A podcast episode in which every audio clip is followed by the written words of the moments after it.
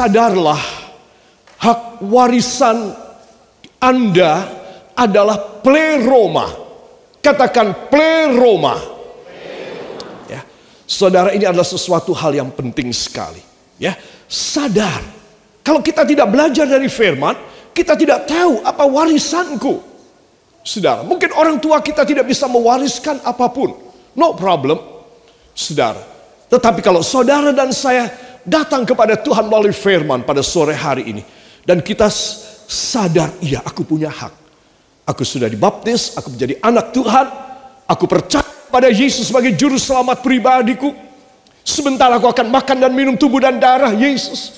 Aku mempunyai hak waris dari sorga. Amin. Ini penting sekali.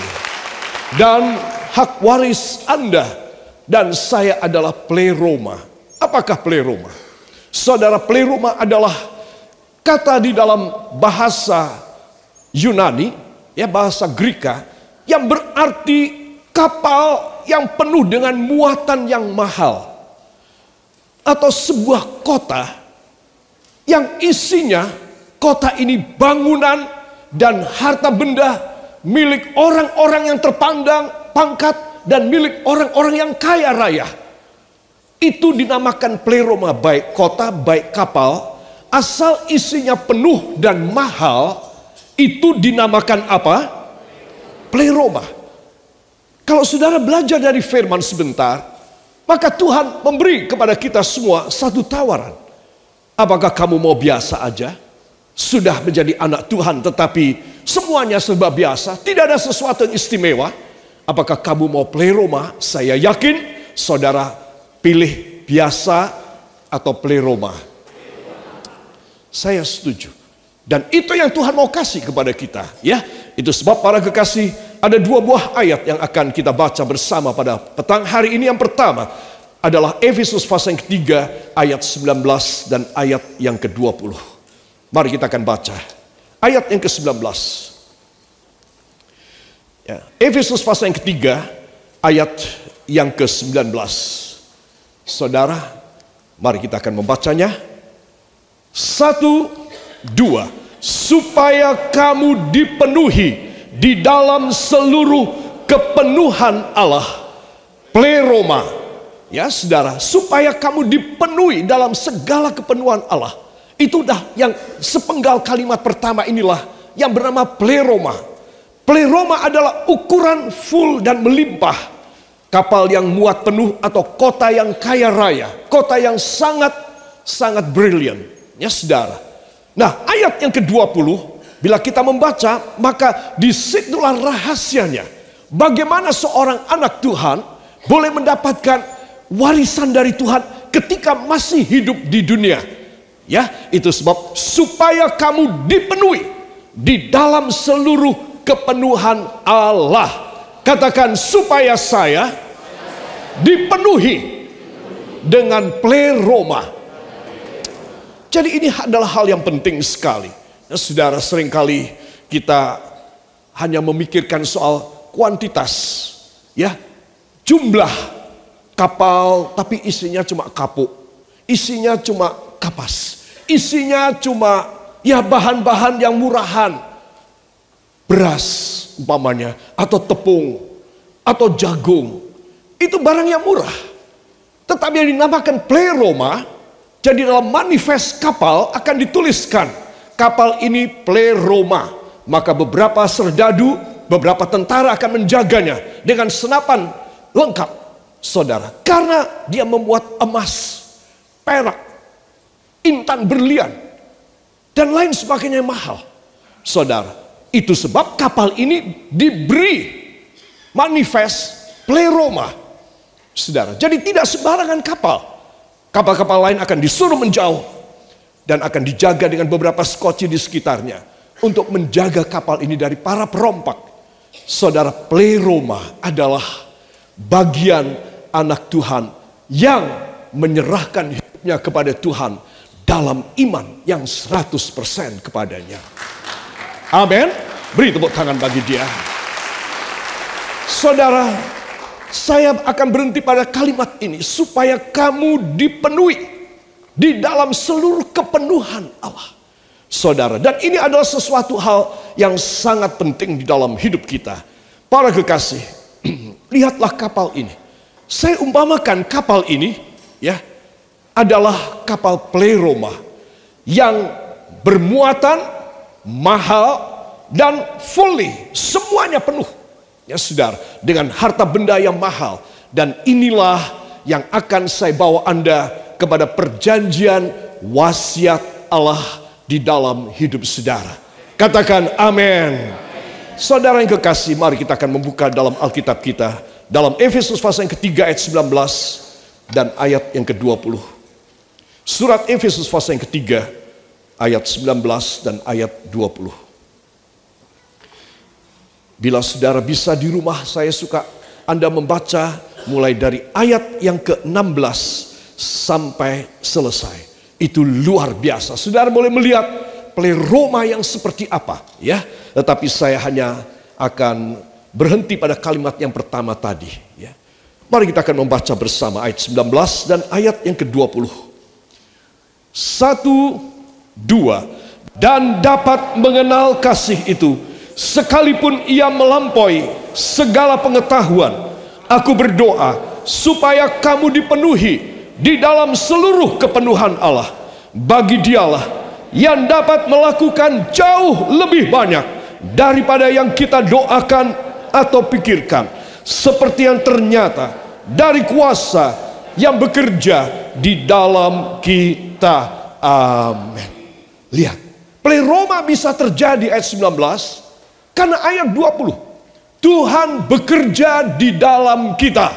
Katakan Yesus bekerja di dalam saya. Maka tidak ada yang mustahil. Segala negatif saya, keterbatasan saya, ketertinggalan saya tidak masalah bagi dia. Amin. Kenapa? Karena dia yang bekerja di dalam kita. Bagi dialah yang dapat melakukan jauh lebih banyak. Saya berdoa pasti sudah sebanyak-banyaknya yang saya butuhkan. Saudara berdoa, pasti saudara kepengen sebanyak-banyaknya yang saudara butuhkan. Saya yakin. Saudara tidak meminta pada batas minimal. Kalau bisa saudara minta pada batas maksimum yang tak terbatas. Saudara, itulah manusia. Itu sebab Tuhan memberikan janji, oke, okay, asal kamu bisa melakukan apa menjadi kehendakku, aku akan melakukan jauh lebih banyak. Katakan jauh lebih banyak. Dari yang saya doakan dan yang saya pikirkan. Coba, saudara. Kalau saudara bisa menjabarkan itu, saudara orang beruntung sekali. Karena apa yang saya dan saudara mohon itu pun sudah banyak. Itu pun sudah pol-polnya kita orang punya keinginan. Tetapi kalau Tuhan menjawab kita, dia menjawab jauh lebih banyak dari yang kita mohon, yang sudah pol-polnya kita tersebut. Ya, itu sebab anak-anak Tuhan ini adalah satu hal yang luar biasa supaya kamu dipenuhi di dalam seluruh kepenuhan Allah. Saya tidak bisa membayangkan kepenuhannya seperti apa ya. Udah saya percaya aja deh. Saya tangkap aja ini perjanjian Tuhan terjadi seperti yang hamba percayai dan hamba yakin engkau berjanji memberi jauh lebih banyak. Ayo semua katakan jauh lebih banyak. Lagi sekali, jauh lebih banyak. Dari yang saya doakan dan yang saya pikirkan. Dalam nama Yesus terjadi pada saya Amin. Senang ya saudara? Senang apa tidak? Ya, saudara mendapat perjanjian ini senang apa tidak? Luar biasa sekali. Hebat sekali. Itu sebab Anda dan saya kita harus menyerahkan diri kita lebih total ke dalam tangan Tuhan. Amin. Menarik sekali apa yang kita baca tadi dalam ayat yang ke-20. Bagi dialah, bagi siapa? Yesus bagi Yesuslah yang dapat melakukan jauh lebih banyak daripada yang kita doakan atau kita pikirkan. Seperti yang ternyata dari kuasa yang bekerja di dalam kita. Dan semua kehebatan, semua pemberian yang jauh lebih banyak dari yang saya doakan dan saya pikirkan, itu karena dia bekerja. Dia bekerja di dalam saya. Kalau saya menutup diri saya, saya memblokir hati saya, dan saya berkata, Tuhan, saya masih terlalu muda. Tuhan, saya masih banyak kerepotan. Anak saya masih kecil, Tuhan. Tuhan, saya sudah tua dan renta. Maafkan saya. Tuhan, saya sudah tidak mampu. Saudara, kalau saya menutup diri saya, Anda menutup diri Anda, maka dia tidak bisa bekerja di dalam Anda. Kata di dalam itu apa? He is working inside you. In the place that your inner man, inner woman, Manusia yang paling dalam. Hati sanubari kita. Tempat di mana roh Allah ada berdiam di dalam kita. Dia tidak bisa bekerja. Kalau saya dan saudara mempersembahkan hidup kita dalam tangannya. Maka dia bisa bekerja di dalam kita. He just need just one single thing in your life and mine. That is we have to sacrifice ourselves and we have to surrender to all His will, His planning in our life. And He will working inside us. You know, and please think about this. If He is working in you, kalau Dia bekerja di dalam Anda, bekerja di dalam saya, wow, pekerjaannya luar biasa. Engkau akan sangat mengaguminya dan sangat happy karena engkau dikerjakan oleh Allah yang luar biasa. Apa yang mustahil? Yang saudara bawa dari rumah. Yang masih menggelantung dalam pikiran saudara. Keraguan, kekhawatiran, ketidakmampuan. Saudara, zaman ini berjalan begitu cepat. Itu luar biasa sekali. Itu sebab Tuhan ingin supaya saya dan saudara kita tidak mengikuti derap langkah dan ritme daripada dunia ini tetapi Tuhan ingin supaya kita mengikuti jejak langkah dari firman Tuhan. Maka dia akan bekerja di dalam kita. Jangan keduniawian. Kalau saya dan saudara keduniawian, dia tidak bisa bekerja di dalam hidup kita. Kalau saya dan saudara sungguh-sungguh rohani dalam hidup kita ini, perkara duniawi, perkara lahiriah, intelektualitas, dan segala kehidupan kita yang membutuhkan terengginas, kuat, sigap, Tuhan akan memberi dalam hidup kita. Itu sebab yang terpenting. Katakan itu sebab yang terpenting. Saya mempersilahkan Tuhan Yesus dengan roh kudusnya bekerja di dalam saya. Ayo angkat tangan kanan saudara. Taruh tangan kiri pada jantung saudara. Ya Tuhan Yesus sesuai dengan ayat ini. Please bekerjalah di dalam hati hamba. Ampunilah hati yang kotor. Bersihkanlah hati yang penuh kesalahan. Supaya engkau boleh berdiam, bergerak, dan mengambil keputusan yang dahsyat, luar biasa di dalam hamba. Dalam nama Yesus Hai sisa dosa, bisikan iblis dan manusia dalam nama Yesus keluar dari hatiku. Darah Yesus menyucikan hatiku. Ucapkan terima kasih engkau yang percaya. Terima kasih engkau menyucikan hati kami. Sehingga engkau bisa berkenan dan sudi bekerja di dalam hidup yang sederhana. Orang yang bodoh yang tertinggal ini Orang yang sering kali tidak mengerti kehendakmu, bekerjalah di dalam kami. Hanya di dalam nama Tuhan Yesus Kristus, Juru Selamat dan Penebus kami. Dan kita yang percaya itu terjadi, mengaminkan. Amin. Siapa yang percaya bahwa mulai malam ini Tuhan bekerja di dalam dia? Saya mau tahu berapa banyak yang percaya. Luar biasa. Yakinlah Tuhan akan bekerja. Engkau percaya, engkau mengangkat tanganmu sebagai satu pengakuan Tuhan. Please bekerja di dalamku. Maka dia akan sukacita mengerjakan hidup kita. Amin. Saudara pulang, saya pulang tidak sendirian. Kita bersama dengan pekerjaan Allah di dalam hidup kita. Dan jikalau dia beserta dengan kita, siapakah yang berani melawan kita? Amin. Katakan tidak ada. Karena Tuhan Yesus di dalam saya. Apa sih yang membuat orang menangis? Kebanyakan wanita, tidak sedikit pria menangis. Memang ada perbedaan karena gender dan DNA dari pria dan wanita berbeda. Tetapi kalau seorang pria dia sampai menangis, maka itu menunjukkan ada satu beban yang berat, kesakitan yang hebat, sentuhan yang benar-benar menyentuh perasaan yang paling dalam. Para kekasih, dan itu kebanyakan kali oleh karena saya dan Anda mengalami sesuatu yang berat dalam hidup ini. Dan kita mulai membandingkannya.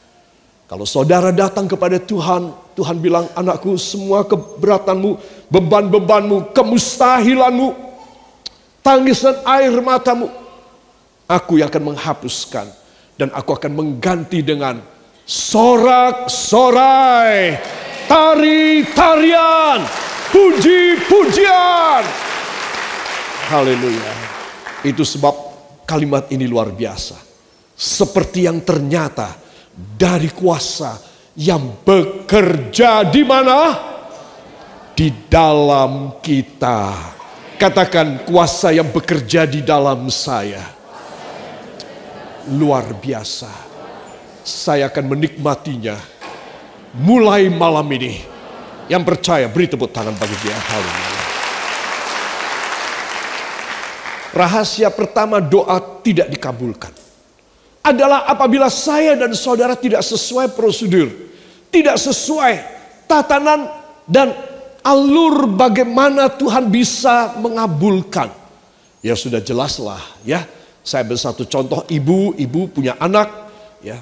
Ibu sudah bilang, kalau kamu bisa nilainya bagus, nanti mami akan belikan kamu ini atau kita akan makan bersama, kita akan jalan-jalan ke mana, ke kota mana, atau ke luar negeri. Ada janji. Karena ada janji, anak berusaha. Saudara, janji yang Tuhan beri kepada saya dan saudara ini banyak banget loh. Coba, bukunya aja tebelnya segini. Saudara, Begitu banyak perjanjian Allah. Lebih dari 3000 janji. Kayak apa? Mana ada orang membutuhkan 3000 janji? Tidak ada. 300 janji aja tidak ada. 30 janji dipenuhi dalam orang ini. Kayak apa happy hidupnya. Seperti apa Tuhan memberkati dia. Dengan 30 janji saja dari firman Tuhan saya yakin. Saudara engkau hidup luar biasa. Amin. Tidak dibutuhkan 3000 janji. Tidak. Tetapi kalau sampai begini banyak janji, Anda dan saya tidak percaya atau kurang percaya, atau bahkan sepuluh saja dari janji Allah, belum terjadi kepada kita orang. Saudara, patut dipertanyakan, kenapa aku? What's happened inside my man, inside my person? Apa yang terjadi? Sesuatu kerusakan. I have to reconstruct again.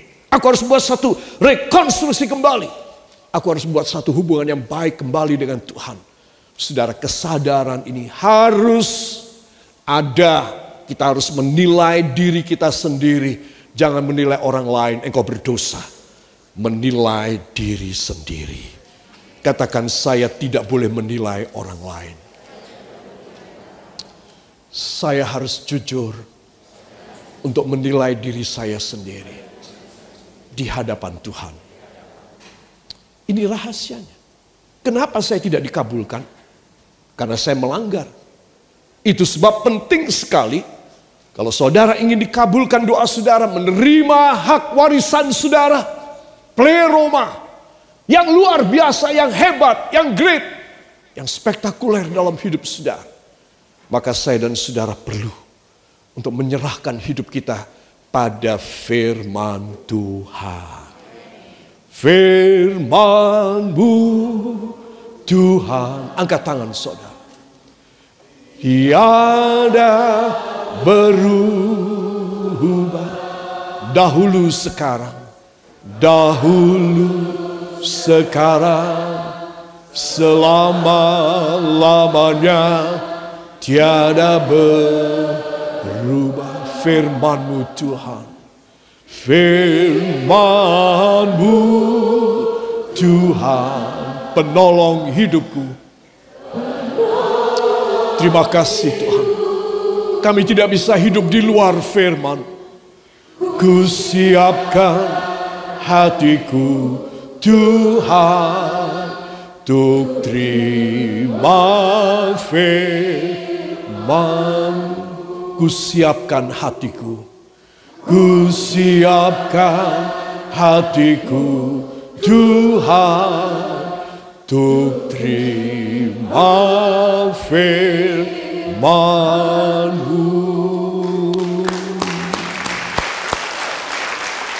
Maka firman Tuhan akan bekerja di dalam hidup kita. Amin. Para kekasih ini hal penting sekali ya. Itu sebab anak-anak Tuhan kita harus belajar. Ayat yang berikut akan saya sampaikan. Mencari wajah Tuhan. Apa sih? Ini satu kata idioms. Ini satu kata kiasan. Mencari wajah Tuhan. Kita sulit untuk melihat wajah Tuhan kayak apa. Orang menggambarkannya, melukisnya. Seperti banyak kalender-kalender Kristen dari gereja-gereja. Dia wajahnya semacam itu. Tipikal banget dan klise banget. Ya saudara. Tetapi yang dinamakan, yang disebutkan oleh Alkitab. Carilah wajahku, kata Tuhan itu adalah apa? Kita harus datang menghadap. Kita harus dekat dengan dia. We have to live every sinful life and all the worldliness and we come to him and encountering his grace and holiness. Kalau kita datang kepadanya, maka dia akan menerima kita. Kita ketemu dengan wajah Tuhan. Yeah, we can see his face. Dan itulah sesuatu yang menjadi rahasia doa dikabulkan. Saya yakin kita semua banyak permintaan. Tidak jarang orang berkata kepada saya dan menunjukkan daftarnya. Dia punya prayer list, daftar doa, wah banyak banget. Ya saudara banyak sekali. Dan semuanya baik-baik. Ada yang berdoa, Tuhan tolong kalau bisa hari ini saya kecelakaan. Ada apa tidak? Tidak. Doanya apa? Tuhan lepaskan aku dari kecelakaan. Lepaskan aku dari kemiskinan. Sembuhkan penyakitku Tuhan. Ya itu doa yang normal. Semua serba positif. Saudara, tetapi sayang. Dari serentetan isi beban doa. Daftar doa. Kadang-kadang Tuhan tidak menjawab. Saudara, kita menjadi jengkel, kita menjadi jemu dan bosan, kita menjadi agak marah sedikit sama Tuhan. Dan kita undur dari dia. Alasan Tuhan tidak memberi karena kamu tidak ketemu sama aku. Kamu cuma jerit aja. Kamu cuma bilang aja dalam doamu. Kamu tidak ketemu dengan aku face to face. Kamu tidak memandang aku dan aku memandangmu. Saudara, itu sebab katakan bersama saya, mulai malam ini saya harus memiliki hubungan pribadi yang baik mencari wajah Tuhan. Sehingga hati saya dipenuhi dengan sukacita ilahi. Hidup saya dikuasai oleh kekudusan Allah. Dalam nama Yesus. Amin. Jadikan, lakukan, cari wajah Tuhan. Di tengah kesibukan. Adik-adik saya para taruna dan taruni akademi militer Wah, kesibukan yang begitu hebat saya tahu. Begitu berat, melelahkan, menegangkan. Dan diburu dengan banyak peraturan, ketetapan, dan disipliner. Wah, pasti orang biasa, pemuda-pemudi biasa, gak kuat stresnya. Ya, saudara-saudara kita dari taruna-taruni ini sudah dari awal digembleng, sudah biasa dibentak, sudah biasa bekerja keras, sudah biasa dipaksa untuk sesuatu yang tidak dia inginkan harus dikerjakan. Saudara, itu militer. Bila seorang bisa memenuhi target militerismenya dia dan dia mencapai pangkat yang tinggi. Wow sekali, luar biasa. Banyak yang gugur. Banyak yang tidak bisa melanjutkan. Saudara ini satu gambaran. Apa rahasianya? Rahasianya adalah pada ketetekan kata orang Jawa bilang. Keyakinan, kepastian. Aku berani, aku mempunyai kredo, aku mempunyai sumpah prajurit, aku mempunyai rules, aku punya hukum-hukum di dalam markasku, di dalam di dalam aku punya asrama, aku punya pendidikan, aku punya kelas di luar ketika latihan semua ada rulesnya, ada hukumnya. Saudara tidak bisa dientengkan. Tiba-tiba seseorang naik pangkatnya. Wah itu tidak masuk akal. Di negara mana pun, selama negara itu normal. Oke. Orang mencari wajah Tuhan. Belajar taat. Pada peraturan Tuhan. Bila saya dan Anda belajar taat pada peraturan Tuhan. Kita berjalan sesuai dengan apa maunya dia dalam hidup kita Tuhan, saya baru bikin dosa Tuhan. Aduh Tuhan kemarin saya terpengaruh dengan bisikan teman-teman dan saya jatuh dalam dosa dan saya jauh dari engkau. Tuhan saya mau bertobat. Saya mau mencari wajahmu kembali. Please kiranya engkau bisa menemui aku. Ini orang sangat jujur. Tuhan bilang, anakku kamu sudah, aku lihat. Kamu mengaku tidak ngaku, aku tahu. Tapi karena kamu mengaku dan kamu mau berubah, kamu mau mencari wajahku. Katakan mencari wajah Tuhan adalah rahasia saya menjatuhkan hati Allah untuk memberi kepada saya. Coba saudara kerjakan, belajar rendah hati, carilah wajahku. Kalau saya dan Anda mau melakukannya, saya dan Anda akan mudah mengalami hidup pleroma. Itu sebab penting sekali orang mencari wajah Tuhan. Jangan cuma ngotot minta, mendekte Tuhan, ngotot sekali, maksain Tuhan jawab doanya. Enak aja, Tuhan bilang, lu siapa? Gitu. Itu sebab Anda dan saya harus belajar merendahkan diri kita. Bila kita belajar merendahkan diri dan ingin datang menghadap hadiratnya. Cari wajah Tuhan. Maka saya percaya doa mudah dikabulkan. Amin. Mari angkat tangan kanan saudara. Ya Tuhan Yesus.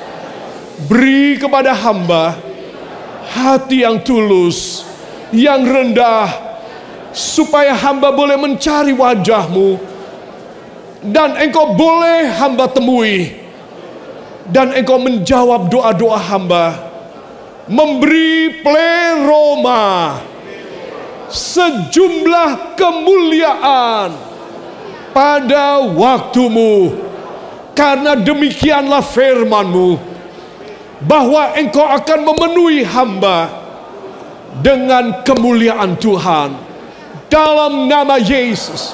Bekerjalah di dalam hati hamba. Ucapkan terima kasih, haleluya. Terima kasih Tuhan kami mengklaim janji firman-Mu. Pelajaran ini sangat mudah, siapa pun mengerti. Kalau mereka mengerti, penuhkan kepada mereka perjanjian-perjanjian-Mu. Yaitu pleroma, engkau memberi kepada kami. Hanya di dalam nama Tuhan Yesus Kristus, Juru Selamat dan penebus kami. Dan kita yang percaya mengaminkan. Amin. Beri tepuk tangan bagi dia.